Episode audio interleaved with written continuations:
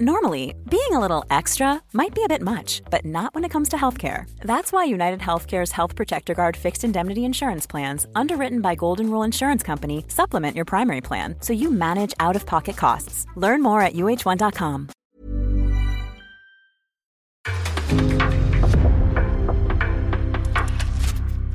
En podcast från Aftonbladet. Let's pretend!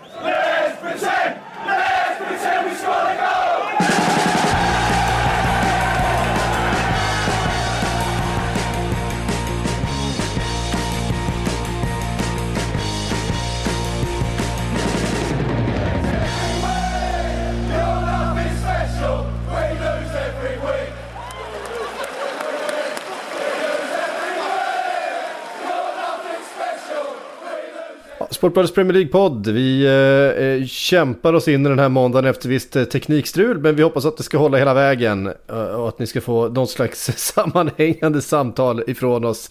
Vi som pratar heter i alla fall Patrik Syk, Frida Fagerlund och Makoto Asahara. Eh, mår ni bra i era respektive stugor och sjukstugor? Du har ju varit lite krasslig Makoto. Ja, utif- utifrån de förutsättningarna så mår jag väl bra. Det här blir ett bra test för min eh, ganska kraschade hals. Men jag tror att det ska hålla i alla fall för att eh, prata någon timme här. Mm. Härligt Frida. Eh, I London har det varit, eh, eller inte så mycket London kanske, men i England. Vi har sett på tv-bilderna, det har varit ruskigt väder. Jag vet inte, det kanske inte tog sig hela vägen ner till sydkusten. Nej, alltså grejen är ju att hela januari och början på februari har varit ovanligt torr här. Att det, det knappt har regnat någonting överhuvudtaget. Men eh, i andra delar av landet har det ju regnat. Men däremot så båda, jag var på Tottenham Stadium två gånger förra veckan.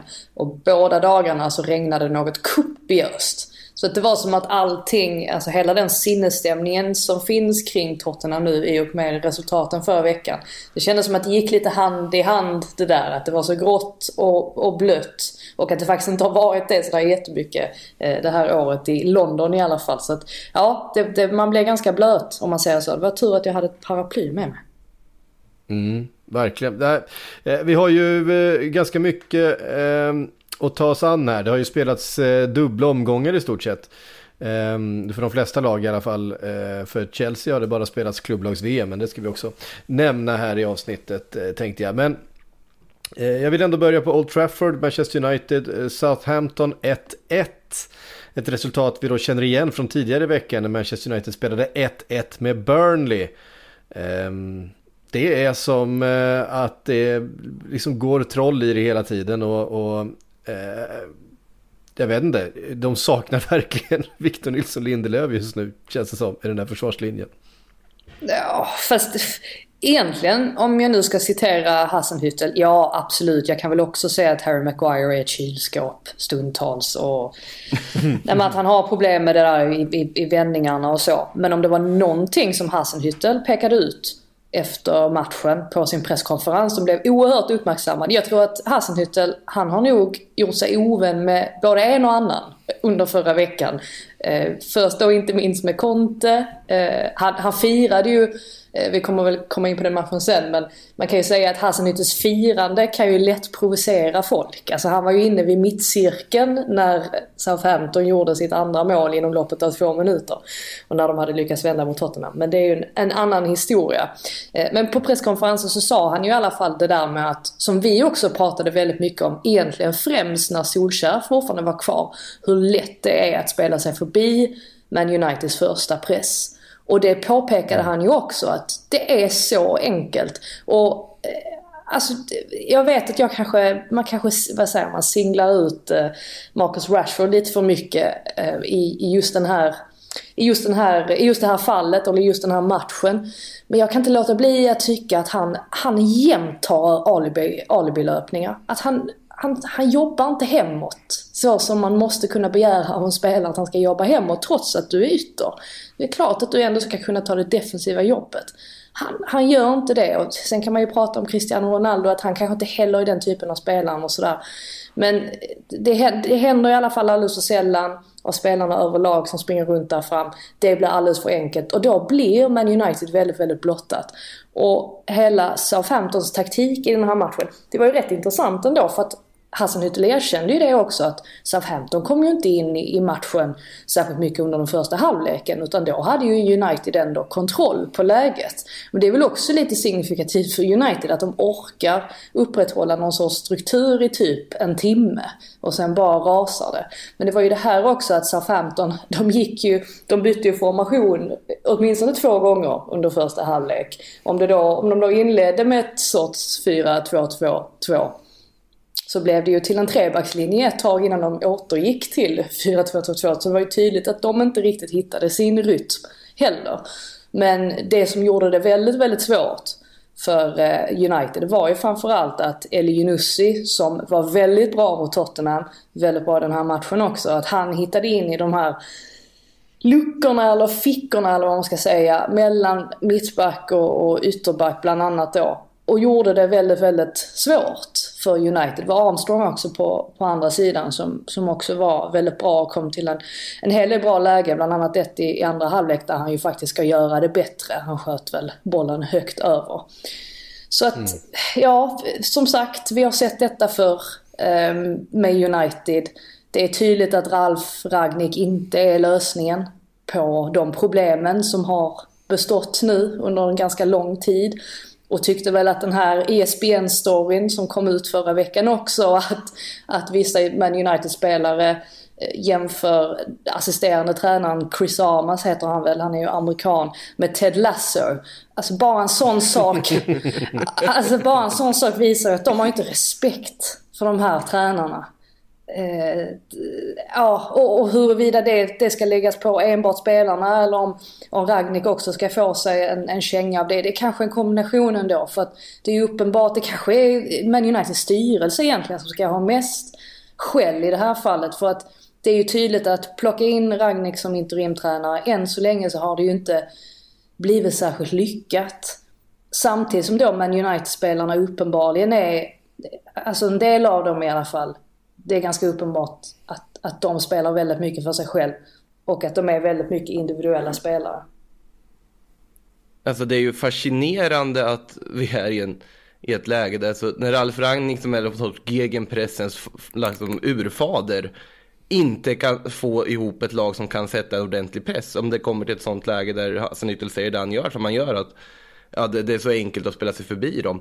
Ja, hur då? Spelarmaterialet ska inte vara så dåligt. Vi har pratat om att de behöver vissa typer av andra spelare för att sätta just hans typ av fotboll, men det ska kunna se bättre ut än vad det gör.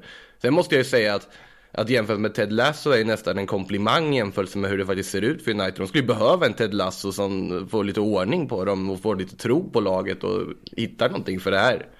Jag tycker inte det, det funkar inte överhuvudtaget och det ser inte bra ut nog. Så att det är väldigt konstigt att försöka sätta fingret på vad de ska fixa för det är så mycket olika detaljer som inte fungerar. Ja, verkligen. Det är eh, samtidigt. Eh, vi måste prata om Harry Maguire. Ja, alltså han är ju inne i någon slags eh, historisk formsvacka skulle jag säga. Jag vet inte riktigt vad, vad, eh, vad det är som har hänt för att jag menar Eh, visst att han aldrig har varit en, en, en eh, back av absolut högsta världsklass. Så här dålig är han ju inte. Nej men jag vet, jag, jag skrev det i mina små funderingar från liksom helgen här tidigare under morgonen att Alltså han är ju egentligen en bra mittback. Vi vet alla, han har sina styrkor, han är bra på huvudet han har vissa ledaregenskaper och så vidare. Men det är ju någonting som inte stämmer. Och de där, den här beskrivningen av honom som en bra mittback, den utmanas ju till bristningsgränsen just nu. För att alltså, det är så tafatt, det är så slarvigt, det är så osäkert att Ja, man undrar om det är någon sorts gammal grekisk gud från antiken som lagt en förbannelse på honom sen i somras eller någonting. För någonting är det ju som är fel. Alltså för att det, det, är någonting som inte funkar. Fötterna fungerar inte på liksom, signalerna från huvudet ner till benen verkar ju inte existera stundtals. Och såklart med en sån spelare med den liksom, kroppsbyggnaden och allt, det ser lite dråpligt ut när ibland han hamnar fel och han sätts i jobbiga situationer och det är i grunden fortfarande ett kollektivt defensivt problem. Men till exempel läget där i slutet när Southampton borde kanske fått en straff när Maguires larvar Sen när han ska vinna tillbaka bollen bara manglar ner en Southampton-spelare där i straffområdet utan boll i närheten. Kommer undan. Eh, nej, det, det är konstigt, men det är också frågan vad ska man göra för att han ska hitta rätt? Och då måste ju sätta fingret på vad det är som är fel för honom, för så här dålig är han inte, håller jag med om. Men problemet är ju att Man United vill ju att han ska vara en sorts mittback som han inte är. Alltså, mm. Harry Maguire har ju alltid varit den typen av mittback som kanske är som bäst när han får vara lite, lite reaktiv istället för proaktiv. Han är ju aldrig bra när han mm. liksom ska kasta sig in i, i situationer. Han är desto bättre när han får liksom ligga ja, men, eh, ligga lite mer avvaktande. Jag tror att det är därför han har varit så bra i landslaget bortsett från någon, det var väl någon gång när han blev utvisad där kort efter den här skandalen i Grekland. Eh, där han inte var så bra i landslaget. Men utöver det som i EM exempelvis så var han ju väldigt, väldigt bra. Men det är väl också för att där kan han ju ha en lite mer tillbakadragen roll för att hela England spelar lite mer tillbakadraget. Alltså han fokuserar väldigt mycket på defensiven. Han är inte den som ska vara proaktiv. Och problemet är väl också att Victor Lindelöf är ju inte heller en särskilt proaktiv mittback. Så att det, det, är väl egentligen det som har varit problemet med, med deras kemi eller deras partnerskap. Att, att eh, de kanske har hamnat lite snett i, i, i själva rollfördelningen och dessutom tycker jag väl kanske att Lindelöf ska, ska vara den som, som använder sin uppspelsfot lite oftare. Eh, men Maguire är också väldigt viktig för, för Man Uniteds eh, anfallsspel även om det kanske inte har sett lika bra ut den senaste tiden som det gjorde gjorde ett tag dessförinnan. Men ja, och sen vet, sen är det väl det här med prislappen också. För vissa blir ju det en sorts förbannelse och jag tror att i Harry Maguires fall så har den... det har inte gynnat honom att, att bära den prislappen på sina axlar. För han, han har ju inte kunnat leva upp till den. Och det var väl inte jättemånga som trodde att han skulle göra det heller. Alltså det, det blev ju en sån abnorm summa och det var väl kanske för att van Dijk också, den övergången pressade upp priserna på mittbackar. Men grejen med van Dijk är ju att det är ingen som sitter och pratar om hans, mitt, hans prislapp. För att han har ju visat sig Alltså, ja, men han är ju en bärande spelare i Liverpool nu och kommer ju vara det förhoppningsvis för hans del och klubbens del i många år framöver. Så att, ja, jag, tyck, jag tycker faktiskt synd, synd om Harry Maguire. Så eh, det, det, kan jag säga. Och ni vet ju hur mycket jag gillade honom för ett par år sedan också. ja. så att, ja. Nej men alltså jag, jag håller med dig också. Jag vet att när vi satt och diskuterade det här i samband med att han skulle värvas in och det var de där summorna så var ju ni också med i att ändå lyckas övertala mig i tanken att ja men det här är faktiskt en ganska vettig värvning även om det kostar mer än vad det smakar. Den är ingen miljardback men sett till vad United behöver här och nu. De betalar det som krävs, de får in en duktig mittback. Och det, jag vill ändå vidhålla den punkten att det var rätt beslut av dem där och då. Men det är väldigt svårt att vidhålla det när han spelar som han gör. Men de måste ju hitta rätt på något sätt. Angående det här med att vara reaktionär, så Rafael Varane är ju snarare då en sån mittback som är van vid att sätta sig i sådana situationer som Maguire inte är. Problemet är att Rafael Varane har aldrig varit en försvarsledare. Han har aldrig varit den som liksom leder försvar. Han har alltid haft Sergio Ramos bredvid sig. På tal om någon som är extremt bra i de situationer där han sätts inför jättejobbiga lägen konstant och ändå räddar upp dem. Vilket ju Maguire inte är. Så att eh, det där är ju också väldigt svårt just den balansgången mellan de två hur man ska. Jag tycker ju i dagsläget så är det ju läge att spela Varann Lindelöf som första val och se hur det fungerar. För att jag det funkar ju inte just nu. Nej, det gör det inte. Han, han ser ju helt under isen ut. Och, och... Men eh, vi måste prata om Southampton också. Du var inne på att Hassan Hyttel har skaffat sig några, eh, några ovänner den senaste veckan. Men han har, han har nog skaffat sig en och annan beundrare också för att eh, han har gjort något eh, ganska häftigt faktiskt med, med Southampton eh, måste jag säga. Det, det, eh, det är ett lag som spelar. Ja, det är det, det, är det sannoliken. eh, ja, nej men grejen med Southampton är väl att de kommer ju faktiskt in i den här typen av stim då och då. Det finns ju vissa svagheter med det sättet att, att spela på, att de lätt kan, kan bli ganska sårbara, Southampton. Eh, liksom, ja, men liksom United också eftersom att de just nu har en tränare som eh, ja, men spelar på ett litet liknande sätt så, så kan de också bli sårbara. Men absolut, förra veckan så fungerade ju allting alldeles ypperligt och det var ju precis som jag var inne på där med främst då med Elionussi och, och Armstrong då som liksom utnyttjade de här sprang, sprang emellan i kanalerna som, som jag vet inte om man säger det på svenska men det, det, det, låter, det låter rätt bra på engelska i alla fall. Det Det får väl säga så ungefär. ja, precis. Och sen är det ju rätt så många spelare som ändå har haft en, en bra vecka. Elinussi nämnde jag där. Armstrong tycker jag, jag kan bli lite frustrerad på honom. Jag tycker framförallt att han ska göra det bättre i de, de situationerna. De situationerna dyker upp som de gör där i andra halvleken mot United. Men jag menar, Shea Adams det avslutet han får till där när han liksom vrider upp hela kroppen och, och verkligen prickar bortre stolpen. Det är också, också väldigt hög klass på, på det avslutet tycker jag. Så att det, det var mycket som stämde för eh, Southampton förra veckan. Det var väl bara den här Salisu när han går bort sig där vid Uniteds 1-0 mål. Det är väl eh, den, det, det, negativa man, man tar med sig då, att de ju faktiskt hade kunnat åka från Old Trafford med alla tre poängen. Det tyckte jag också var lite provocerande när Ragnik sa efter matchen att Nej men eh, vi skapar jättemycket. Vi hade kunnat eh, haft ledningen med 4-0. Ja men Southampton hade ju också kunnat få in fyra mål. Eh, alltså det får man väl också ha i, i åtanke då. Så att jag vet inte om jag köper den förklaringen riktigt även om, jag, även om jag förstår det här med att Man United ändå haft lite oflyt i vissa situationer. De kom ju rätt nära ett segermål där också. Det var väl Harry Maguire till och med va, som hade en nick där på tilläggstid som Fraser Forster eh, gjorde en jätteräddning på. Så att men United har inte alls flytet med sig på, på sin sida nu, eller har inte haft nu de senaste veckorna. Men eh, Southampton har det gått desto bättre för. Det får man säga. Ja, verkligen. Eh, vändningen mot Spurs eh, framförallt var ju urstark verkligen. Eh, och ja, det, inte, inte lika kul för Dejan Kulusevski kanske som stod och gjorde sig redo Nej. för att komma in precis innan då Tottenham gör mål. Eh, och sen så får Lukas in, in det målet då så att han får vänta ett par minuter och sen när han väl får komma in på planen Ja, då släpper, de, släpper Tottenham in två mål på två minuter. Alltså det var ju fullständigt... Nej, roligare Premier League-debuter har man skådat, om man säger så. Eh, verkligen. Han har inte haft någon rolig start överhuvudtaget får man väl konstatera också om man tar helgen i åtanke också. Ja, alltså grejen med matchen, kan väl lika gärna komma in lite på Wolverhampton-matchen där då. Vi, får seg vi, vi segwayar över till den då. ja. eh, Kulusevski byttes in efter en halvtimme ungefär eh, mot Ryan Sessignon. Precis. Eh, det, det började ju återigen eh, så otroligt skakigt från, från Tottenhams sida och just det här att nu, nu var det eh, Ugo eh, juristtur att, att stå för två ganska skakiga, skakiga situationer som då ledde till men, två baklängesmål inom loppet av 18 minuter då.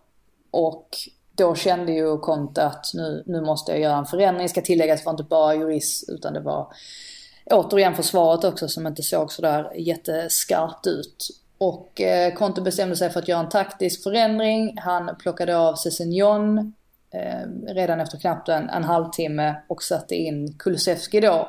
Och gick ner på en fyrbackslinje och placerade Kulusevski som tia, intressant nog, bakom eh, Harry Kane.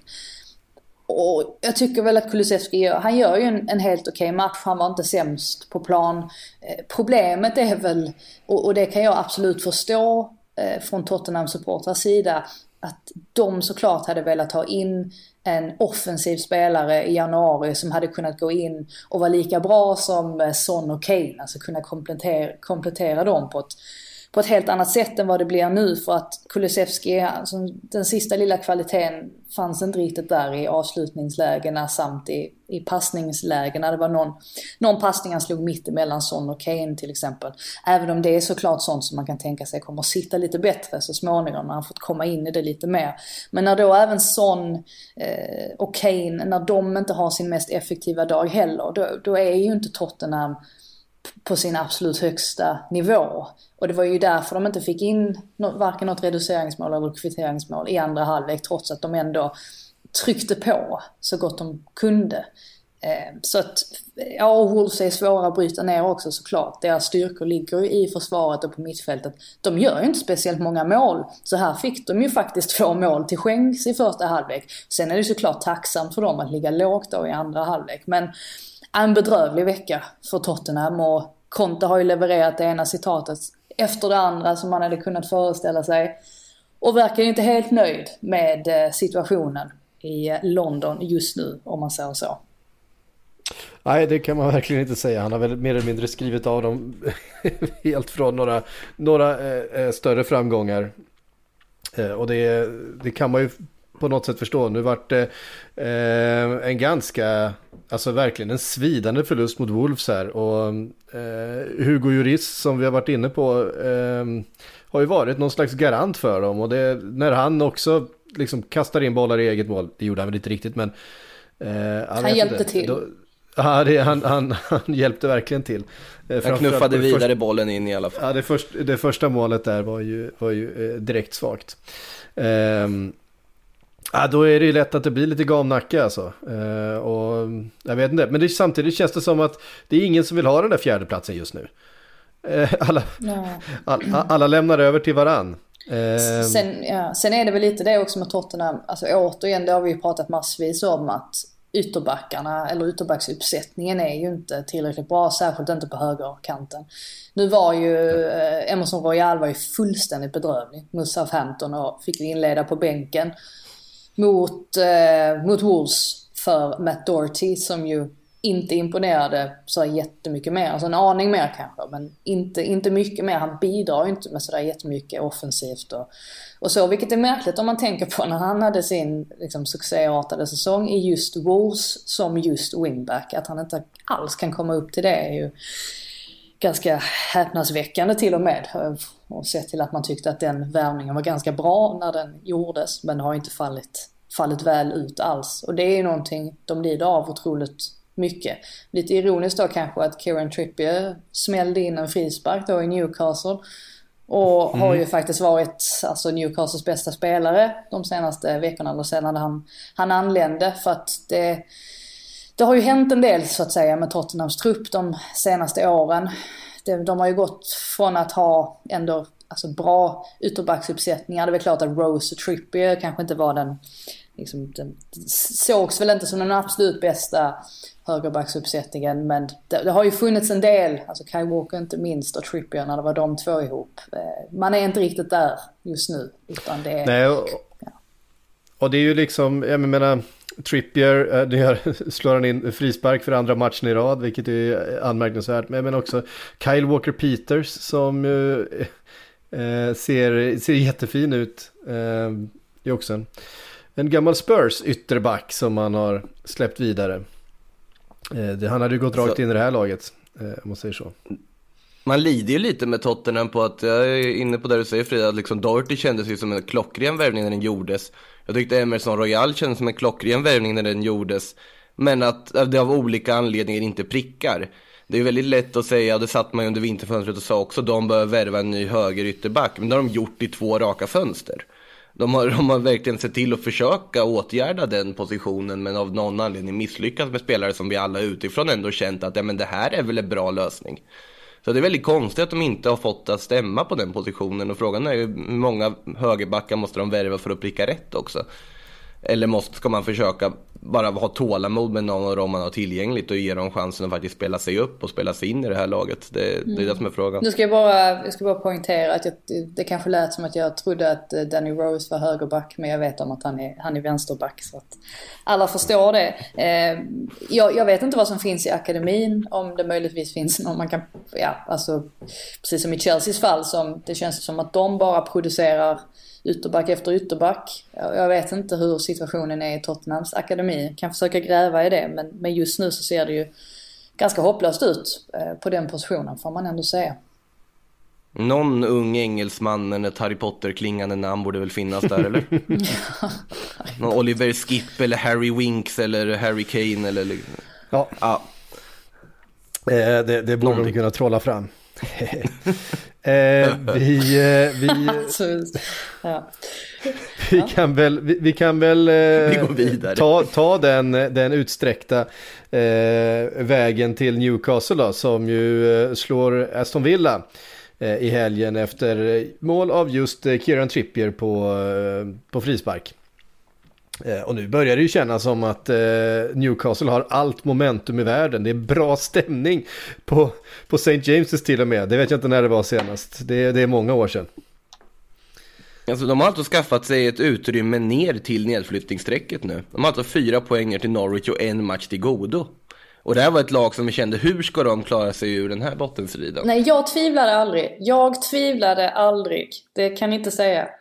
Nej, men jag har ju, jag, jag har ju dömt ut dem flera gånger under den här säsongen. Eh, jag hade dem på nedflyttningsplats redan förra, förra säsongen tror jag. Ehm, eh, och det är alltid kul att, att döma ut Newcastle för att eh, det, det, är redan så dålig stämning där.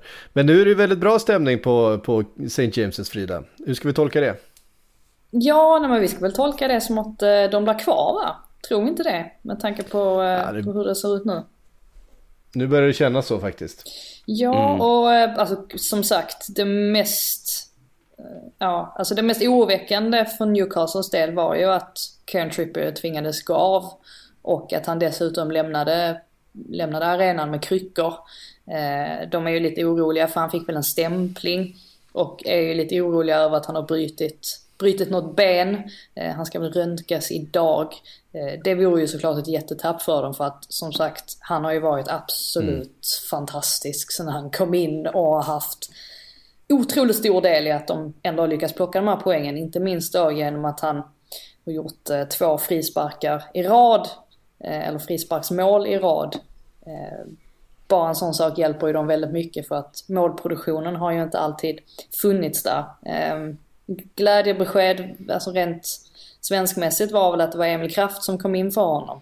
Eh, så att, ja, skönt för honom att få lite speltid nu när han har eh, åkt ner i hierarkin ännu mer. Mm, då håller vi tummarna för ett benbrott tänker jag. Um...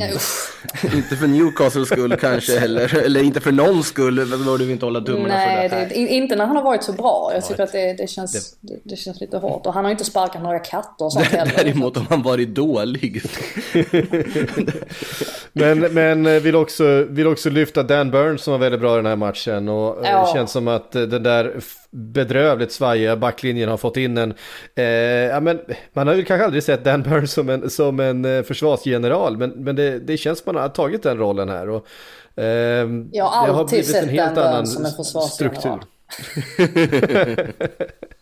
har du det? Har, har, du verkligen det? Är det någon spelare jag har försvarat mer än Dan Burn genom de här åren? Nej, alltså jag är, jag är otroligt mycket i Dan Burn-båten, det ska ni veta. Eh, nej. Jag gillar honom som vänsterback mest. Ja. Det känns så bara, det känns rätt. Alltså, I mitten där har man ju ändå haft liksom Dunk och, och, ja, och så vidare, eller där i vad heter det, Brighton. Så att Webster. man har inte sett honom som den, ja Webster ja, mm. i mitten. Så att, men det är ju kul att se att Dan Burn kan liksom lyfta nu när han får vara ledaren i ett försvar på så här vis.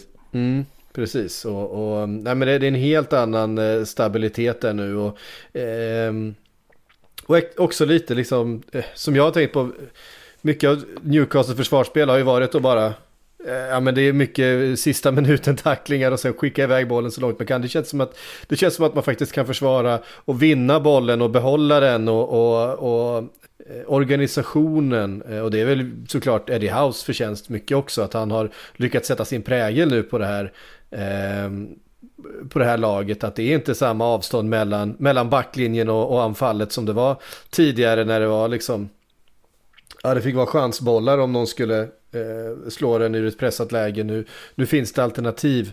Eh, så att eh, det, det, det, ser eh, betydligt mycket bättre ut. Och, jag menar, Aston Villa är ju dessutom ett lag i ganska bra form. Det är, det är en ganska rejäl skalp skulle jag vilja säga som, som Newcastle tar här. Stevie G var ju inte jättenöjd efteråt. Han eh, kastade hela laget under bussen, låter kanske hårt att säga, men han tyckte ju inte direkt att det var en bra prestation eh, av någon och att det väl var kanske den sämsta prestationen då. Sen han klev in i eh, klubben. Grejen med Aston Villa är väl att nu med tanke på vilket lag de har fått ihop och sådär så höj, höjer man ju förväntningarna något oerhört.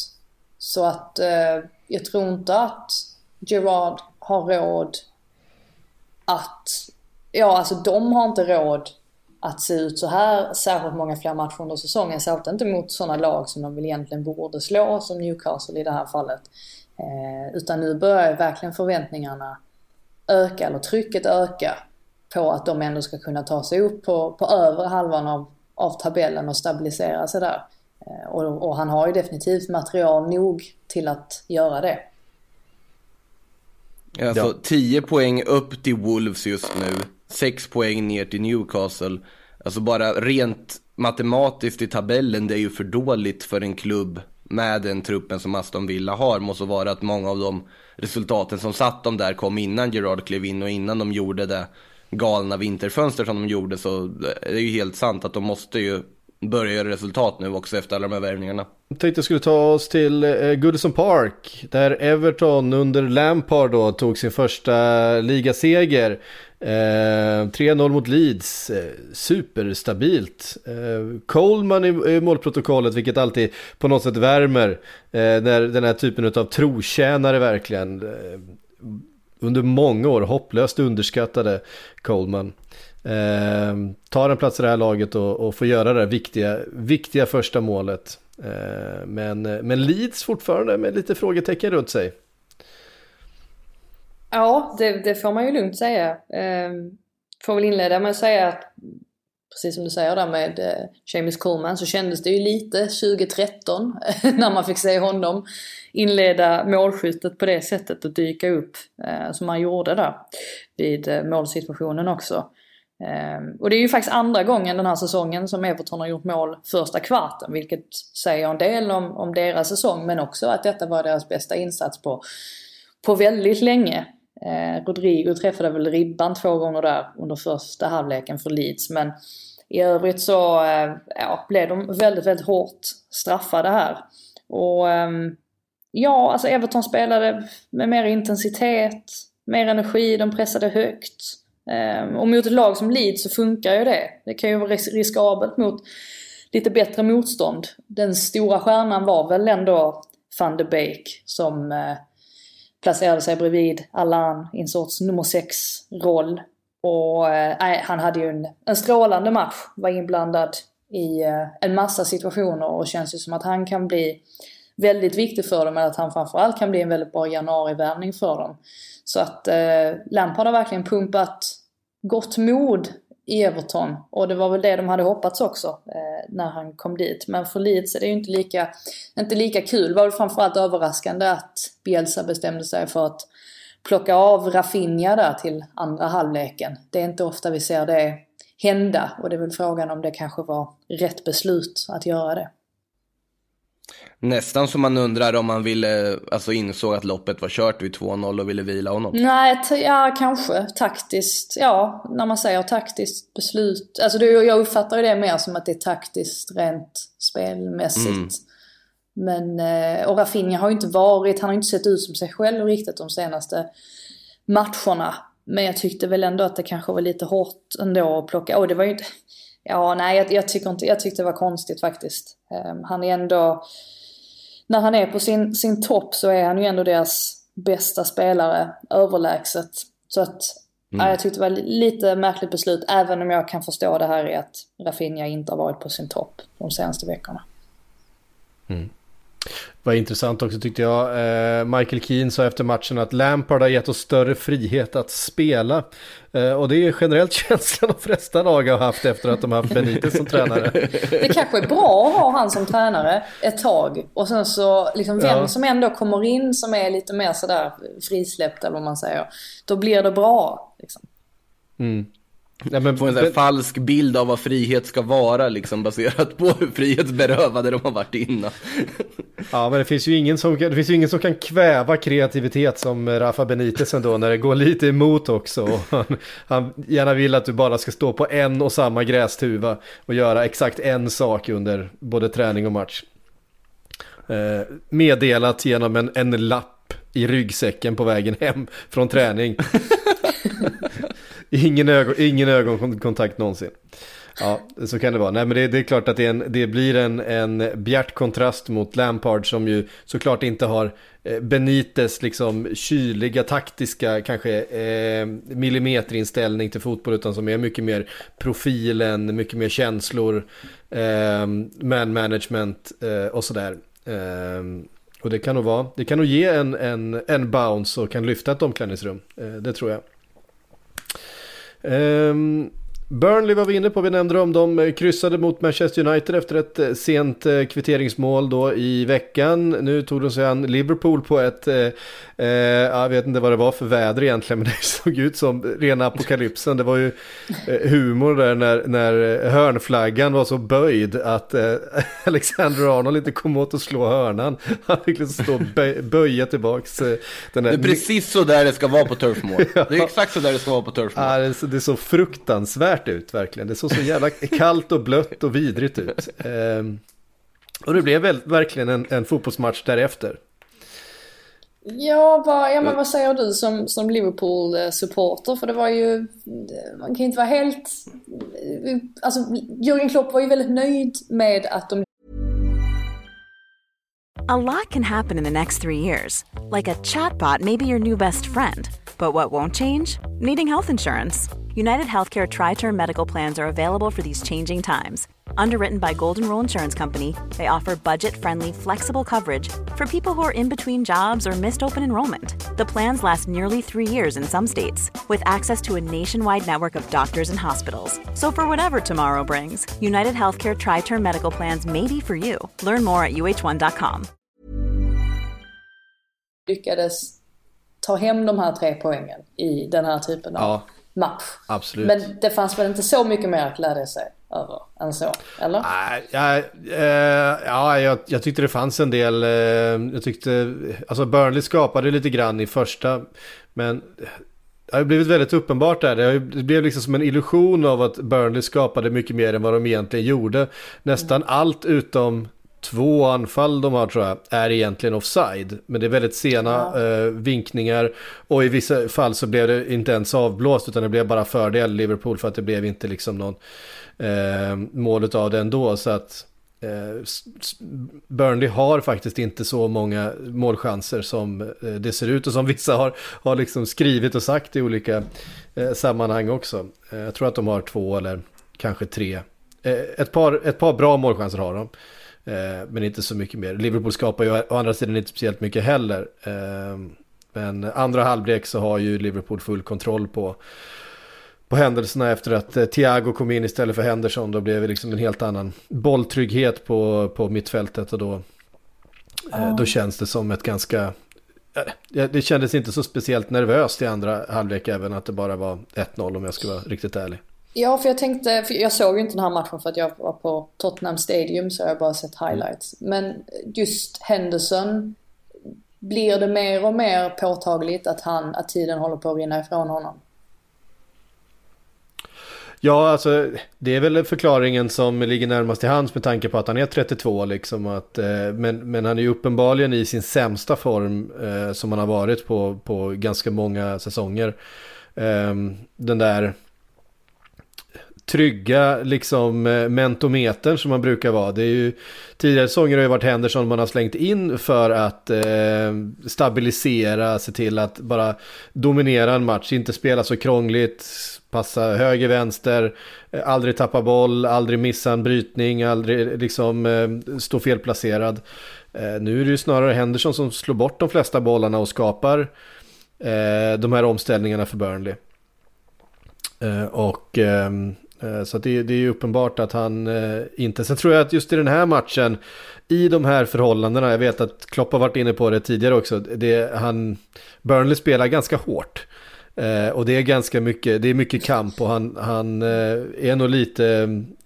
jag tror att hade det varit en annan, ett annat motstånd och andra förutsättningar så tror jag inte att Henderson hade startat. Då hade det nog varit Thiago och kanske Harvey Elliott på mitten från start. Nu blir det Naby Keita och, och Henderson. Eh, lite, mer, lite mer fysik, lite mer duellspel. Ehm, eh, men eh, ja, känslan är också att, att Henderson mer kommer eh, ta, hamna längre ifrån startelvan. Han är ju inte given längre. Eh, jag tror inte de jag tror i den här formen är det ju ingen som hade tagit ut honom eh, i sin startelva tror jag före, före till exempel Thiago. Um, men eh, känslan är också att eh, Milners kontrakt går ut, Henderson kommer väl vara kvar i någon slags Milner-roll som en spelare man slänger in eller... Som eh, translator? Som, ja, kanske som översättare. Eh, när det kommer sydamerikaner som inte kan, kan engelska. Eh, nej men en, en, en pålitlig, en, en viktig figur i, i omklädningsrummet, en spelare med mängder av rutin som kan spela på flera olika positioner och så vidare. Eh, men jag tror att vi har sett eh, Jordan Hendersons dagar som en, som en självskriven mittfältare i, i Liverpools eh, startelva. Eh, de tror jag är, eh, är förbi faktiskt. Mm, han lär väl inte starta på, på onsdag där mot Inter eller? Tror inte han startar mot Inter. Det känns som att det kanske var en av dem som roterades in också med tanke på att den matchen stundar. Ja. Um, så är det nog. Men, uh, men det är också så. Uh, Fabinho med sitt femte mål. Ja, då på kort tid. Han har gjort fem mål under 2022. Uh, jag har aldrig sett någon göra ett mer Burnley-mål mot Burnley än just det. Hörna, det var blåsigt, tilltrasslad situation, avslut, retur i mål. Verkligen så här, trycka in bollen. Men det är väl så du vill ha dina Liverpool-mål egentligen, eller hur? Ja, ja herregud. Framförallt i en sån här match. Eh, alltså, ja, det, det, det, det ska ju inte bli annat än 1-0. Det ska ju inte göra fler mål. Nej, det ska ju göras otroligt lite mål i sådana här matcher. Eh, ja. Men jag menar, det, det var sidledsregn och, och, eh, och Fabinho ju, eh, gör ju en, en otroligt fin säsong. Han är ju den, kanske den tillsammans med, med eh, Alexander Arnold som eh, är, är svårast att ersätta i det här laget som eh, lämnar ett störst hål efter sig. För att det finns, finns uppbackning på mittbacken, vi ser att det finns eh, alternativ i anfallet, men just den här defensiva mittfältsrollen eh, i tillägg då till högerbacken, det är där eh, det finns eh, inte lika mycket alternativ. Ja, jag, jag var ju på Anfield i, eh, till matchen mot Leicester då. Och eh, tyckte det var lite häftigt ändå att se Salah komma in i andra halvleken och direkt när han kom in, alltså hur han bara slår på direkt. Och det var ju bara o, alltså, otur men Schmeichel var ju väldigt bra i den matchen så att det var ju därför inte mm. han hamnade i målprotokollet. Men trots att de ändå har alltså, en del alternativ på de positionerna så eh, är det ändå påtagligt alltså vilken skillnad Salah gör ja, ja, nej, det är på klart. hela det laget. Det det är, det är klart att det är ingen som håller Salas kvalitet där fram. Det, det är ju helt uppenbart. Jag menar den, den bollen som han knorrar i kryssribban där mot, eh, ja. mot Leicester, den förtjänade ju ett bättre öde. Eh, det var en, en, ett fantastiskt tillslag. Och van Dijk har ju varit väldigt bra också. Eh, ja, tycker jag i alla fall. Och, senaste och det var ju Klopp inne på också att, eh, att van Dijk är ju tillbaks i sin, mm. i sin bästa form. Eh, och det går ju inte att säga något annat än att det är så. För han, nu är han ju där igen att han sätter ju liksom inte en enda fot fel mot Burnley eller mot Leicester.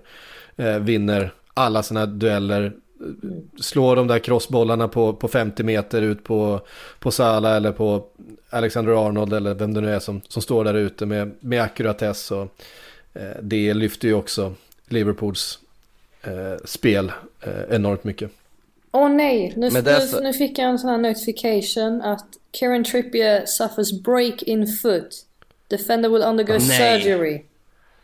Ah, fy Vad fan. trist. Oh. Ah, tråkigt. Jag tycker, jag tycker, tycker synd om honom faktiskt. Ja, det, det, är ju det är synd om, synd om honom och, och synd om Newcastle. Det där kan ju verkligen sänka den där eh, goda stämningen de äntligen har, har Men Emil Kraft däremot. Ja, han har, han har lite nu är det dags. Nu. Nu är det dags. Nu, nu räcker det inte med att det är kul att han får lite speltid. Nu måste han börja leverera också. Ja, det är faktiskt, det är faktiskt bra för, för Sveriges playoff det här. För att det är ganska många i den svenska backlinjen som inte får speltid sådär eh, eh, särskilt regelbundet. Så att vi kan behöva någon spelare som kommer i form i alla fall till det VM-playoffet. Ja, precis.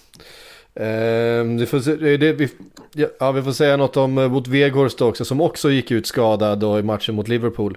Eh, när vi ändå är inne på den. Det är också ett enormt avbräck om han skulle försvinna för att eh, han har ju också varit, varit väldigt, väldigt fin de, de få matcherna han har spelat. Verkligen. Det är ju Chris Wood 2.0 för halva priset. Ja, ja, men så ja, en bättre Chris Wood för halva priset. En yngre Chris Wood och en mer mångsidig Chris Wood som Ja, nederländsk Chris Wood dessutom. Men alltså, alltså han gör det ju, jag tyckte han gör det ganska bra här också första halvlek. Även om Burnley kanske inte skapar några superfarliga målchanser, någon megapress. Och Patrik Syk satt lugnt hemma i soffan så tyckte jag ändå Vegårs ändå liksom tog kampen ganska bra. Man märker ju hur nyttig han är för dem. Det skulle ju Verkligen rakt av förödande om han skulle bli borta längre tid efter att han har gått avskadad här nu. Jag får förtydliga Första halvlek tyckte, satt jag absolut inte och, lugn. du lät som att du var väldigt... Som Nej, men det där är ju... då, då såg det inte bra ut. Då hade Burnley alldeles för mycket, för mycket boll. Du låter som Hasse Backe nu, att du är lugn. Ja, andra halvlek däremot var jag lugn. Ja men det var ju du som sa det där att ja, men det där är ju offside då så att ifall det att han har skett i och vink, vinkar är lugnt, ingen fara. nej, men, eh, nej men som sagt oavsett Weghorst, eh, jag får hoppas att det inte är lika illa med honom som det nu bevisligen är med Trippier. Nej verkligen, det hade ju varit förödande. Burnley som ju ser, eh, nu har de visserligen några matcher upp då. Ehm, Två matcher hängmatch på Watford som också ser bedrövliga ut och, och tre matcher upp på, på Norwich. Ehm, men sen är det ju Newcastle, Everton, Leeds, eh, Brentford där framför som har ganska många poäng. Och vi börjar väl se en, en botten trea eh, som eh, snart kommer vara lite avhängd här tror jag. Alltså det är inget roligt schema Burnley har heller. Alltså Brighton borta, Spurs hemma, Crystal Palace borta som har sett fina ut, Leicester, Chelsea. Ja, uh, det ser inte jättebra ut för dem, det kan man lugnt konstatera. De hade behövt tre poängaren där mot Watford, det är ju inget att snacka om. Ja, verkligen. Ja, det var ju en, en eh, superviktig, superviktig match för båda. Eh, Norwich just nu då på 18 plats, fick stryk mot Manchester City i helgen. 4-0. Eh, eh Hattrick på Sterling. Ja, eh, som ju faktiskt i, lite i smyg har växlat upp en riktigt fin form här under, under vintern. Ja, måste dock eh, vara lite glädjedöda och säga att det var touch vid det första målet.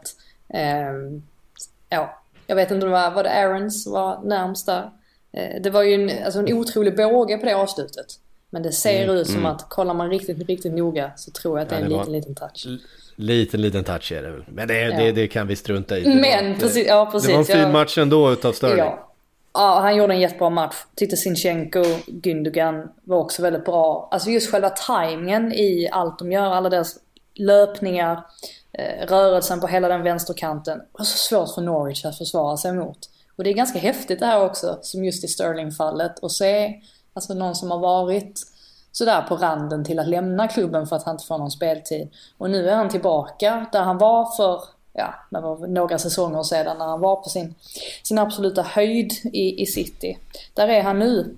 Och ehm, ja, det är, det är kul för honom. Eh, mindre roligt för Norwich givetvis som fick, ja, smaka på, på den sedvanliga City-medicinen. Men det är ju så här det ser ut när de när allting klickar för dem och när de får till just den här enorma rörelsen som de har tillgång till eller som de vet att de kan få till. Alltså då, då är de ju i stort sett omöjliga att stoppa i alla fall för ett lag som, som Norwich. Mm.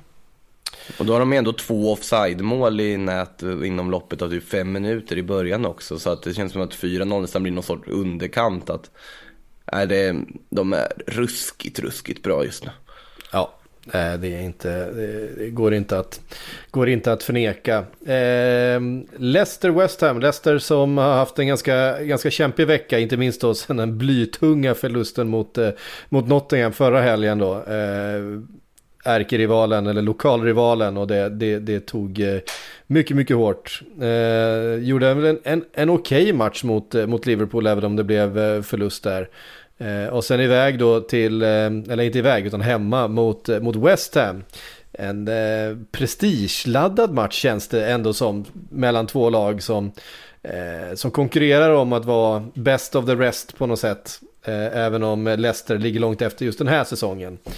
Eh, så, så har vi de, de förhoppningarna och förväntningarna på Leicester att de ska vara med ungefär så som West Ham är den här säsongen. Ja, eh. Kurt Zuma pallade ju inte trycket redan under uppvärmningen. Han fick ju kasta in handduken direkt. Ja. Han, kände, eh. han kände vilken match det var. Precis, det har sagts, sagts, sagts mycket om Kurt Zuma senaste veckan. Det hände, hände ju efter vi spelade in senast, eh, så vi har inte sagt någonting här. Men, men eh, ni har ju hört det mesta vid det här laget om, om eh, hans omhändertagna katter. och den här videon som, som spreds. Så jag skulle bli förvånad om eh, Kurt Zuma eh, skakar av sig det här så som det kändes när han gick ut och spelade eh, samma dag som det hade hänt. Det var ju ett märkligt beslut och ett oerhört kritiserat beslut eh, från, eh, från eh, West Ham och David Moyes. Eh, nu klev han själv av här, påstod sig ha eh, må dåligt, men det, det, är klart att han är oerhört påverkad av all, all kritik som han eh, eh, helt rättvist har, har fått ta emot den här senaste veckan. Ja, och det, det kan man ju diskutera också i... Ehm, ja, det är ju ganska tydligt att vissa tycker att han aldrig ska få spela en match igen, i alla fall inte i England. Medan andra då tycker att det, det, kanske har blivit lite, lite överdrivet eller att debatten har gått lite, att det har gått lite för långt helt enkelt. Och eh, det är ju frågan var man, var man landar. David Moyes tycker ju att men han har bett om ursäkt för det här, hans katter är omhändertagna. Varför ska inte han få fortsätta spela fotboll? Eh, om han är ångerfull. Varför ska han inte bli förlåten? Och jag i och för sig, alltså, jag, jag tycker jag är en jätte, jättestor kattälskare. Mitt absoluta favoritdjur och kunde inte ens, jag kunde se det där klippet en gång. Absolut inte två gånger. Och det vidrigaste är ju att eftersom att hans bror publicerar detta på sociala medier så indikerar ju det att de tycker att det här är ett fullständigt normalt beteende. Vilket gör en rädd för då tänker man, jaha vad tycker de är ett fullständigt normalt beteende i övrigt i så fall? Men med det sagt så landar man väl ändå lite i den här alltså moraliska debatten att vi lever i ett samhälle där man ska få en andra chans. Förtjänar inte han då en andra chans? Jag, jag vet inte, jag bara, jag bara lyfter själva frågan. Jag tycker att det är en väldigt svår, en svår ja. situation. Det är inte alls lika självklart som när en annan människa eh, skadar en annan människa. Nej, Nej eh, jag, för mig tycker inte jag att det här är alls lika krångligt som eh, när det kommer till eh, med Mason Greenwood till exempel och den typen utav, utav eh, brottshandlingar eh, som, som är eh, otroligt mycket. Det, det, alltså, det Kurt Zuma gör mot sin katt är, är, är fruktansvärt och det, det, eh, det vittnar ju om en, en empatibrist som, eh, som är ganska obehaglig. Mm. Eh, framförallt med tanke på att det är barn i, liksom i, i, i närheten och så vidare. Eh, sen tycker inte jag att det är någonting som gör att man ska riva kontraktet och, och eh, att han aldrig mer ska få spela fotboll. Det, det måste vara någonting som går att som, ja, som går att komma tillbaks ifrån. Men ja. han kommer få leva med konsekvenserna av det. Han kommer få leva Exakt. med att, bli, i, att mm. bli förknippad med, med den här videon. Att bli förknippad med eh, den här eh, gärningen. För den, den har han ju helt och hållet satt sig i själv. Det, ja. eh, när det däremot kommer till till till exempel Mason Greenwood Eh, där pratar vi liksom om fängelsestraff i, i, ganska många år i värsta fall. Eh, vi pratar om, om, om helt andra eh, saker tycker jag. Det, det, det, går inte riktigt att jämföra. Eh, och det bästa är ju ändå att sponsorerna tycker jag, att de har backat. Eh, ja. Och bestämt sig för att Nej, inte sponsra honom. Det är ju ett, jag tycker det är ett bra straff. För att det är väl just, det är väl därför som många har varit så upprörda på West Ham över att han ens startade den matchen förra veckan när allting uppdagades just att av PR-mässiga skäl så vore, hade det varit bättre för West Ham att inte låta honom spela. Och så Nej, gjorde de ja, det precis. Det, ja, precis. De borde helt och hållet bara hållit honom borta från, från allt vad, vad eh, tv-kameror och, och eh, mm. eh, läktare och så vidare eh, att göra i, i, ja, men i några veckor. Uh, han får komma tillbaks, han får leva med att det kommer ropas saker från läktarna, att han kommer få eh, utstå uh, en del saker i sociala medier. Nu händer en jävla massa uh, saker i sociala medier som man verkligen inte ska behöva utstå, men, men, men här är det på, på många sätt självpåkallat. Ehm, och sen får man ta det därifrån, med, med tiden så kommer det ehm, ebba ut och man får försöka göra avbön och på andra sätt visa att, att man kan förändras och förbättras som människa. Mm. Um, och det är det viktigaste. Vi, jag håller helt med er. Vi vill ju ehm. se, vi vill ju se, vi vill inte att detta ska återupprepas i framtiden. Alltså det, det måste ju vara målet i allt det här. Mm. Kan jag tycka. Ja, och, ja. verkligen. Det viktigaste här är att det ska visa att liksom samhället, också fotbollsvärlden visar att det är inte okej att behandla ett djur på det här sättet eh, som han gör, punkt. Och sen är det så, de som jämför med, precis som ni var inne på, de som jämför med andra former av våldsbrott. Det finns en jätteproblematik i att vi har till exempel en spelare som Cristiano Ronaldo som spelar fotboll i United. Mm. Till exempel. Absolut. Det, det är en an, men det är, en annan, det är ett annat problemområde. Om man bara tar på just att Kurt Zuma sparkar sin katt, ska han spela fotboll eller inte? Just nu, nej. Ska han ha sina sponsorer kvar? Nej. Men ska han vara välkommen tillbaka förr eller senare? Ja, det tycker jag ändå att han ska vara. Eh, men det är, det är inte jämförbart med liksom många andra, andra problematiska situationer som vi har liksom, som diskuteras väldigt ofta tycker jag. Men i det här sammanhanget tycker jag att vet du, samhället har reagerat rätt på det vidriga som man gör mot, eh, mot sina katter. Som, som tur var nu inte är hans katter någon mer och förhoppningsvis kommer han aldrig ha några katter igen som kallas hans katter. Ehm, 2-2 uh, slutade matchen i alla fall, uh, utan Kurt Zuma. ja just det, det var där vi var från början. Uh, Leicester släpper återigen in mål på fasta situationer. De har släppt in 14 mål nu på fasta situationer.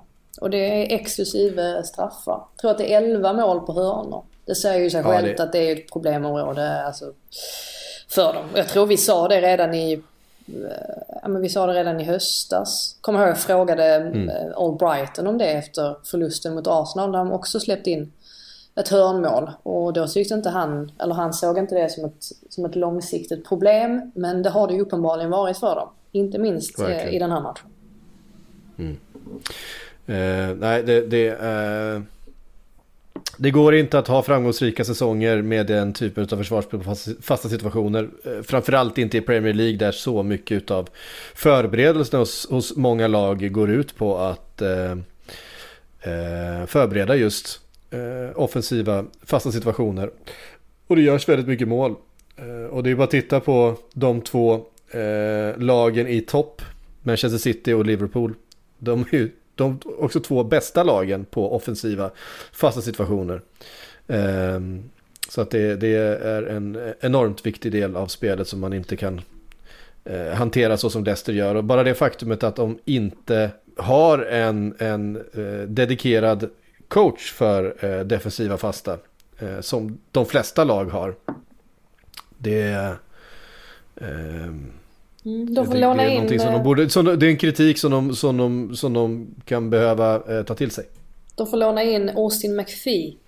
Han har ändå gjort en, en del underverk i Aston Villa.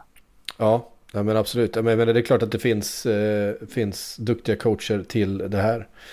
Eh, men av någon anledning så har Brennan Rogers valt att inte eh, ha någon i, sitt, eh, i sin stab. Utan uh, ska lösa det själv. Men det har väl aldrig varit hans, hans styrka uh, kan jag känna. Mm. Och det verkar ju faktiskt som att det börjar, uh, börjar muttras lite i omklädningsrummen. Jag tror faktiskt det var framförallt efter förlusten mot Nottingham Forest. När en del spelare inte var helt nöjda med Rogers enorma sågning på presskonferensen efteråt. ja, där han tyckte att hela, hela truppen skulle, skulle, ja, skulle ske en, utre... ja, en, ut, en utrensning i truppen behövdes, sa han. Ja, och det, det ska precis. inte ha gått särskilt väl hem i omklädningsrummet av förklarliga skäl kan man ju ändå förstå. Nej, nej. Skulle kanske inte säga direkt efter ett fönster har stängt heller.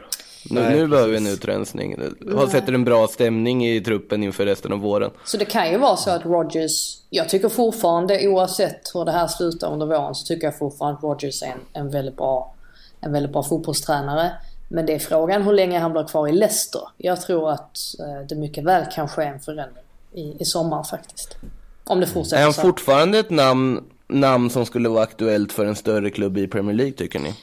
Jag tror inte det jag, det är det som är intressant med Man United-fallet. Jag tror mm. inte att han är en kandidat där längre. Nu verkar det som att Pochettino ligger närmst till att få det mm. jobbet. Men jag tror han är ute ur diskussionerna där i alla fall. Mm. Men att han var det då i höstas. Ja, det tyckte varit intressant att se Brennan Rodgers utanför Premier League. Uh, ja, nu har han mm. visserligen varit uppe i Skottland. Men jag hade velat se honom i, ett annat, i en annan fotbollsmiljö, en annan fotbollskultur. Eh, för att han har tagit enormt mycket intryck av, av många tränare runt om i Europa. Han, är, eh, han har en väldigt tydlig eh, och, tror jag, bra syn på hur fotboll ska spelas och en, en, filosofi som jag tror är väldigt gångbar i, i många länder. Men Eh, och dessutom pratar han ju eh, flytande spanska och så vidare. Eh, har han ju eh, varit, varit noga med att, att, att påpeka eh, vid olika tillfällen. Så de, älskar, varit, de älskar verkligen engelska, eller eh, han är ju inte engelsman men britter överlag älskar ju verkligen att kunna säga att de kan ett tredje språk. För att det är så ja. ovanligt att det är så. Ja, precis. Nej men han, han var väl, han var, ingick väl i Mourinhos stab i, i, i, var det i Chelsea eller i Real Madrid? Eh, vid, vid något tillfälle och har varit runt eh, väldigt mycket också. Var han väl en, eh, någon slags praktikant hos, eh, eh, i det spanska landslaget under, vad hette han? Gammelgubben där när de var som bäst på... Vicente del Bosque. Del Bosque, ja precis. Jag att en, Rodgers... Daily Mail hade en intervju med Bosque häromdagen om någon konstig Jaha. anledning. Jag vet inte. Vad trevligt. Ja, sådär lite, dök bara upp från ingenstans. Alltid, alltid skoj. Det, det, det piggar upp ändå måste jag säga och höra, jag måste hitta den. Ja. Eh, men en spontan tanke på om man tar Spanien, Atletico Madrid. Ja, faktiskt. Det blir jag lite Det hade varit jättespännande. Ja, nu mitt hjärta, det varit jättespännande mitt hjärta började dunka lite grann. Alltså sådär av, av, av spänning. Det... Ja, men de måste ju flytta på Cholo nu, det håller ju inte någon mer. Nej, precis. Och få in då Brennan Rogers med lite mer progressiv idé av fotboll. Det kanske ja, jag, tror att du, jag tror att du har satt eh, huvudet på spiken där. Direkt. Det är inte ofta. ja, det kan diskuteras. Men eh, det, det, är säkert ett rykte som kommer att dyka upp, tror inte det? Borde ju göra det i alla fall, om de nu skulle gå på det spåret. Om nu Cholo skulle lämna. Eh, mm. Vilket jag tycker att de borde fundera på att göra, för jag tycker inte det Atletico gör för tillfället är bra nog, även om det var Tre poäng i helgen trots fullkomligt kaos i den matchen mot Getafe. Mario Hermoso avgjorde på en cykelspark, bara en sån sak. Men vad skönt, då har, vi, då har vi skaffat ett nytt jobb åt Rogers nu när vi redan har sparkat honom från Leicester i somras. Det är ja. skönt, det känns bra. Om man nu håller till sommaren, det vill säga. Det får vi väl se om det fortsätter så här med resultaten. Ja, det tror jag nog. Det ska nog mycket till för att de ska göra en förändring mitt under säsong. Det tror jag. I alla fall. Ja, verkligen. Mm. Um, vi ska säga någonting om um, Brighton också som uh, vann en fotbollsmatch. Har ni hört? Men, uh, varför var, jaha, var an denna sarkasm? Äh, de spelar ju alltid, de spelar ju alltid oavgjort. Men nu har de faktiskt, de, de vinner ibland, det händer. Nu var det Watford 2-0. Uh, Mopés mål. Mopés mål. Hur ren är den träffen skulle ni säga? Jag skulle säga att det är en felträff som blir jätterätt. Men, ja, jag eh, skulle också säga att det, det ser ju ut som en felträff. Ja, men det, det är ett väldigt, det är väldigt fint, Neil Mopaiskt. Ja, det är väldigt fint ja, avslut i alla fall. Han gör, ju, han gör ju bara spektakulära mål. Det är ju så. Ja. Alltså han är ju inte den som, han gör ju aldrig fula mål egentligen. Utan det är alltid någonting speciellt med dem. Men eh, jag tyckte lite synd om honom, eller jag känner särskilt vi har ju varit på honom ganska mycket genom, eh, genom åren nu får man ju säga. Eh, men han sa ju i sin postmatch intervju där att ja, liksom förra matchen så var jag ju sämst på plan så att det kändes jättebra att få ha en bra match. Och då tyckte jag nästan lite, alltså jag, kände lite sympati för stackars Mopé som säkert känner av det här att när han köptes in till Brighton så var det ju för att han skulle vara liksom deras, deras målgörare. Och han är ju inte riktigt den typen av spelare utan har Ja men han, han har sina kvaliteter men han är ju som sagt den här spelaren som mer gör de här spektakulära målen lite då och då än att han är någon som man ska förlita sig på. Och därför så tyckte ja, jag ändå att det var skönt för honom att, att han fick göra en bra match. Eftersom att han då tyckte mm. att han var så bedrövlig i, i förra. Ändå gjort åtta mål den här säsongen. Det är väl hans bästa, bästa säsong i Premier League eller? Han måste väl ha gjort fler något år eller? Jag vet inte riktigt gjorde ju, hur det såg ut för... Han gjorde tio första Tio, Tio första, första och sen åtta i fjol och åtta nu. Men det går han nog om. Alltså han kommer nog göra fler än tio. Det borde han göra. Han borde göra sin bästa säsong eh, nu ja. ändå. Trots att han har missat ganska många öppna lägen också den här säsongen. Ja. Han borde gjort fler, säga, så kan vi väl säga. Ja, precis. Borde väl säga det, eller nämna det också, att det här var väl lite så här kungen och prinsen av Swedish football ändå. Eh, med ja, med tanke på att det var Graham, eller Roy Hodgson mot Graham Potter. Ja, just det. Potter var ju till och med mm. klädd i kostym för dagen. Och det ska enbart ha berott på att han ville visa respekt mot, eh, mot Hodgson. Vilket jag tyckte var... Och det, det gör en glad att höra. ja, det var, det var ändå, det, det, är ändå lite, det är ändå lite gulligt på något sätt. Ja, men det, det, är också två liksom, sympatiska fotbollsmän. Eh, på något sätt. Det är, två, det är två personer som går och ställer sig bakom liksom. Men märks det inte att de har eh. bott i Sverige? Kan man inte, är de inte den perfekta blandningen av svenskt och engelskt? Alltså lite det här, lite det här ödmjuka, lågmälda. Men ändå liksom den engelska, ja men den engelska, vad, vad säger man, humorn och eh, ja men just den här alltså fotbollsintelligensen och, ja, jag vet inte. Bra, är, inte de, är inte båda liksom på något sätt de positiva aspekterna av liksom den svenska bilden av engelska liksom fotbollsaktiva personligheter? Ja, liksom. In person på något sätt. Roy Hodgson som är arketypen för alla engelska tränare, den som har format hela den svenska fotbollen i grunden en gång i tiden när han var aktiv. Och sen Potter som förnyade den svenska fotbollen en gång i tiden mm. när han var i Östersund. Så att det finns ju jättemycket ja, koppling precis. och tacksamhet också till vad de har gjort. Kungen och prinsen ju. Det är ju, mm. Här har vi ju satt precis. titlarna. Jajamän. Eh, på tal om eh, så måste vi ta oss till, eh, till Abu Dhabi. Eh, kungen och prinsen. Eh, för visst var det där det spelades klubblags-VM? Det stämmer, mm. det var ju där. Eh, Chelsea var ändå nära på att åka på samma smäll som de gjorde när de var där senast eh, i klubblags-VM. Det var ju trots allt då senast 2012 som ett europeiskt lag åkte ett klubblags-VM och inte fått med sig titeln världens bästa klubblag hem. Och det var ju när Chelsea var där senast och mötte Corinthians och förlorade. Och såklart när det blir 1-1 vid fulltid i den här finalen mot Palmeiras så tänker man ju att kan det vara en favorit i repris på gång? Att ett brasilianskt lag igen ska vinna den här turneringen. Men det slutar ju med straff för Chelsea, Kai Havertz kliver fram av alla personer och skjuter titeln till Chelsea och den betyder nog väldigt, väldigt mycket. Många kan ju se det här som en plojturnering. Men bara att få den titeln, världens bästa klubblag, att lägga till den här trofén som de har saknat, som de inte har vunnit till prisskåpet. Det betyder nog jättemycket för självförtroendet nu i fortsättningen här under våren tror jag för, för hela gruppen faktiskt. Det är eh, många som rackar ner på den här turneringen och menar på att det är en låtsasturnering, att det är, det är inget bra motstånd. Eh, bla bla bla. Jag, det var någon som sa att de vaskar en ligacup för att, eh, för att ta den här. Jag hade mycket hellre tagit en ligacupen. Men det här är ju den svåraste, det här är den svåraste trofén att ta eftersom du måste vinna Champions League för att ens ta dig dit. Eh, och jag tror att det är en, en, eh, trofé som betyder jättemycket för många klubbar att ha den. Det är något slags, eh, det är ju en, eh, ett, ett intyg på att man har varit eh, dominant. Eh, mm. Inte en massa, inte en massa, alltså för Real Madrid till exempel som du prenumererade på den här titeln, vet jag att den har betytt ganska mycket. Eh, och att det har varit en, en stor grej för, för Real Madrid med alla deras titlar och de har vunnit allt hur många gånger som helst. Att det här klubblags-VM har ändå betytt någonting när de har vunnit det. Ja, absolut. Jag håller också med. Man vill ju kunna sjunga We won it all.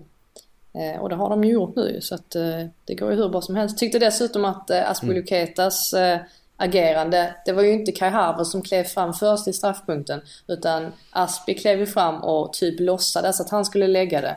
Så att Palmeiras försökte ju med alla sina små eh, ja, men trick där eh, för att försöka psyka honom. Och sen i sista sekund så bara lägger han över bollen till Havertz. Så jag tyckte att det var lite, men lite bra taktik ändå. Eh, han tog liksom den första smällen och sen så smällde Harvards in själva, själva straffen. Även om, tyckte inte ni också att det var en ganska billig straff? Eller om det var en hård, hård straff?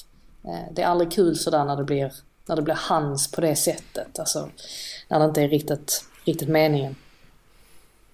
Nej, den var ju, den var ju inte jättesolklar kan man inte säga. Och det var ju såklart tungt för Palmeiras. Apropå det där med vad det betyder också den här turneringen i Sydamerika är ju det här nästan, det är den viktigaste matchen på året, det är det största du kan spela, är den här matchen när du får har vunnit Copa Libertadores, får åka till, ja, vart det nu är då turneringen spelas, i år i Förenade Arabemiraten. och möta Champions League-vinnaren med chansen att titulera sig bäst i världen. Det betyder så enormt mycket för de klubbar som åker dit. Eh, så att det är inte lätt att åka dit och vinna de matcherna. Jag vet, jag, jag hade äran att kommentera semifinalen. Skulle kommenterat finalen men var sjuk, ska sägas. Eh, tyvärr. Men i semifinalen också när man mötte motstånd från Saudiarabien, Al-Hilal. Jag var ju väldigt imponerad av dem också. Som ställde upp med lite gamla Premier League-bekantningar som Mattias Pereira bland annat eh, på plan. Så att eh, det, det är bra motstånd man möter, man ska inte underskatta det. Och det är starkt av Chelsea att även om de inte imponerar spelmässigt särskilt mycket i varken semifinal eller final så tar de med sig titeln hem och det var det som var viktigt. Och man är ju glad för kanske framförallt Aspilicuetas skull som var med när de förlorade mot Corinthians senast, som var med om den, ja inom citationstecken, skammen att inte ta hem turneringen alla räknar med att de ska ta, men att de också lyckas göra det nu och att han får lyfta den bucklan sen. Detta kan ju förhoppningsvis också bli en litet, ett litet uppsving för Romelu Lukaku som ju ändå har fått göra mål här och nu kommer tillbaka till England med förhoppningsvis för deras del lite, lite större självförtroende. Mm. Mm. Vi har fått en massa frågor i vanlig ordning, eh, eh, bland annat en hel del från Arsenal-supporten. Nu har vi inte pratat någonting om Arsenal. De spelade ju en match förra veckan här, mitt i veckan. De hade ju ingen nu i helgen eftersom de skulle mött Chelsea och de var iväg då på klubblags-VM. Men Jesper skriver bland annat, vet man varför det är en bias i omklädningsrummet, gentem, eller i domarkåren, förlåt, gentemot Arsenal, eller är det ett mysterium? Eh, det här de är såklart Martinelli. upprörda på det här röda kortet på Martinelli. Som ju, jag tycker att det är korrekt. Det är ju två gula kort. Det spelar ju ingen roll att han har eh, släppt fördel. Du kan ju ändå få ett gult kort efter situationen, efter en fördel given. Eh, det är alltså ju det... Två, två gula kort. Ja, alltså, alltså sett, till, sett till regelboken så gör ju inte Michael Oliver något fel egentligen. Men det är väl, alltså det folk menar är väl att han borde kanske ha lite bättre känsla för att Martinelli kanske inte är medveten om att det första resulterade, skulle resultera i ett gult kort. Eh, ja, alltså att det, att det är där man kan landa i att det kanske... Men å andra sidan, det är dumt av Martinelli såklart att göra två sådana grejer in, eh, ja, inom så kort tid. Jag såg att det är vissa som har jämfört situationen med eh, eh Raúl Jiménez situationen och John Moss. Då när han också fick två gula kort mm. inom loppet av typ en mm. minut. Men det är inte riktigt samma sak tycker jag ändå. För att det här är ju liksom en sekvens. Och Jiménez var ju inte, det var ju inte en enda lång sekvens. Utan det var ju mer att han, han visste ju om att han fick det första gula kortet. Och sen så, sen så reagerade han ju i, i, eh, i efterhand. Liksom. Men, ja. precis. Det är lite grann, alltså inte exakt samma heller, men jag minns den här Atleti-spelaren i Champions League mot Liverpool där som vägrade gå till domaren för att få sitt gula kort. Eh, och i då eh, trotsen åkte på ett andra gult kort. Eh, först fick han gult kort för en tackling och sen han blev han på dåligt humör så vägrade han gå och ställa sig och, och ta emot utav domaren och då fick han ett andra så blev det ett rött till slut. Ah, det var inte helt, eh, helt klockrent heller eh, i jämförelse. men, men, ja, det är för, må jag, det är för jag, många röda kort till Arsenal i alla fall. det kan man konstatera. Ja, det kan vi konstatera. Det, det, är ju glasklart att de, de tar lite för många röda kort. Eh, det har ju blivit en ganska stor grej också. att De, de lyckas ändå ta det hela tiden. Det är ganska fascinerande hur, hur det går till. Att det är alltid någon som tar ett andra gult oavsett vilken match det är just nu. Mm. Hörde ni, nu har klockan verkligen sprungit ifrån oss här. Eh, vi hade mycket att säga idag uppenbarligen och dessutom eh, trilskat med teknikstrul under hela, under hela inspelningen här. Om det klipps lite konstigt och att det är lite fram och tillbaka så, så beror det på det.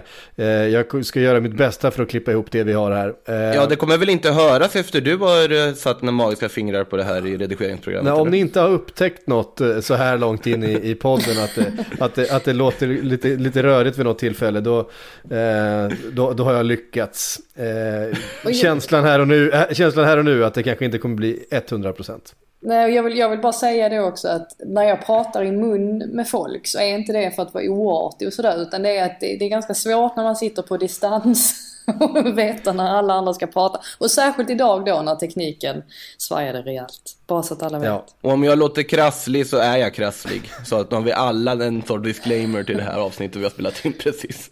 Ja, ja, men det är bra. Eh, alla brasklappar i världen. Vi eh, hoppas vara tillbaka i lite starkare form eh, nästa vecka. Vi har Eh, Champions League att se fram emot och sen så, såklart Premier League till, eh, till helgen som kommer. Eh, håll också utkik efter Sillypodden. Jag vet att fönstret är stängt och så vidare men det kommer komma nya grejer där så, så håll ett litet öga på den feeden så eh, kan det nog dyka upp något, något roligt där också.